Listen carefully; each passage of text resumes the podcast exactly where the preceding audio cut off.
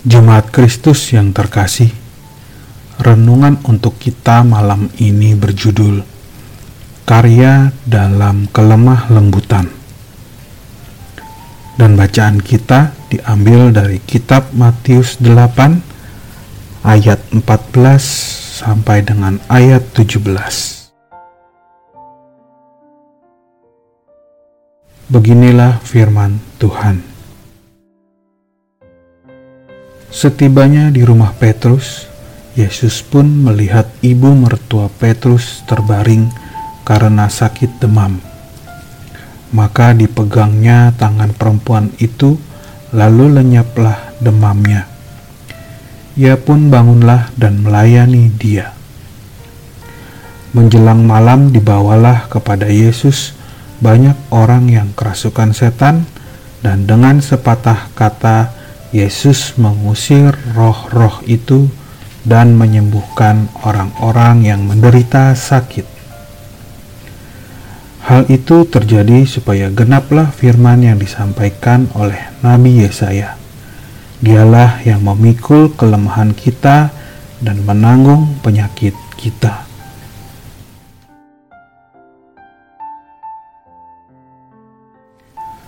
Salah satu mukjizat yang cukup jarang dibahas adalah kisah saat Tuhan menyembuhkan ibu dari Petrus.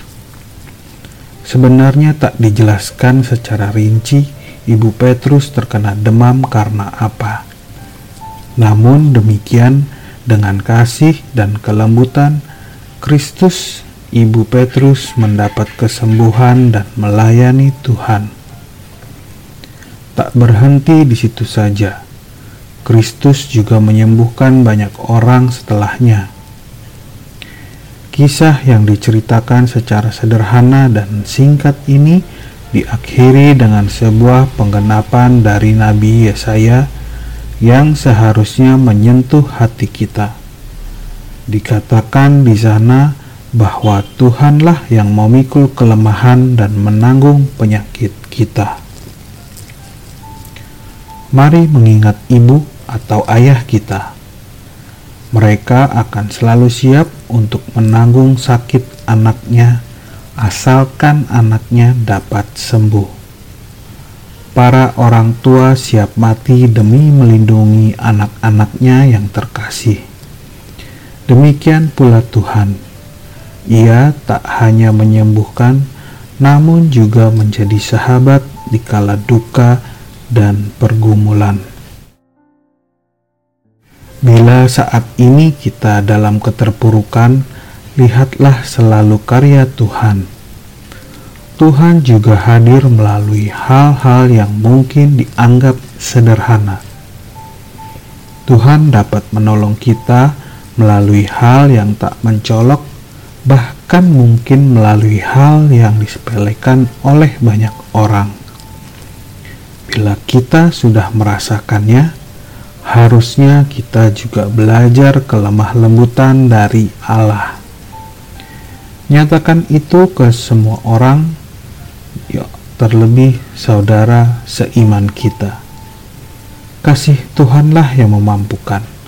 Jangan takut.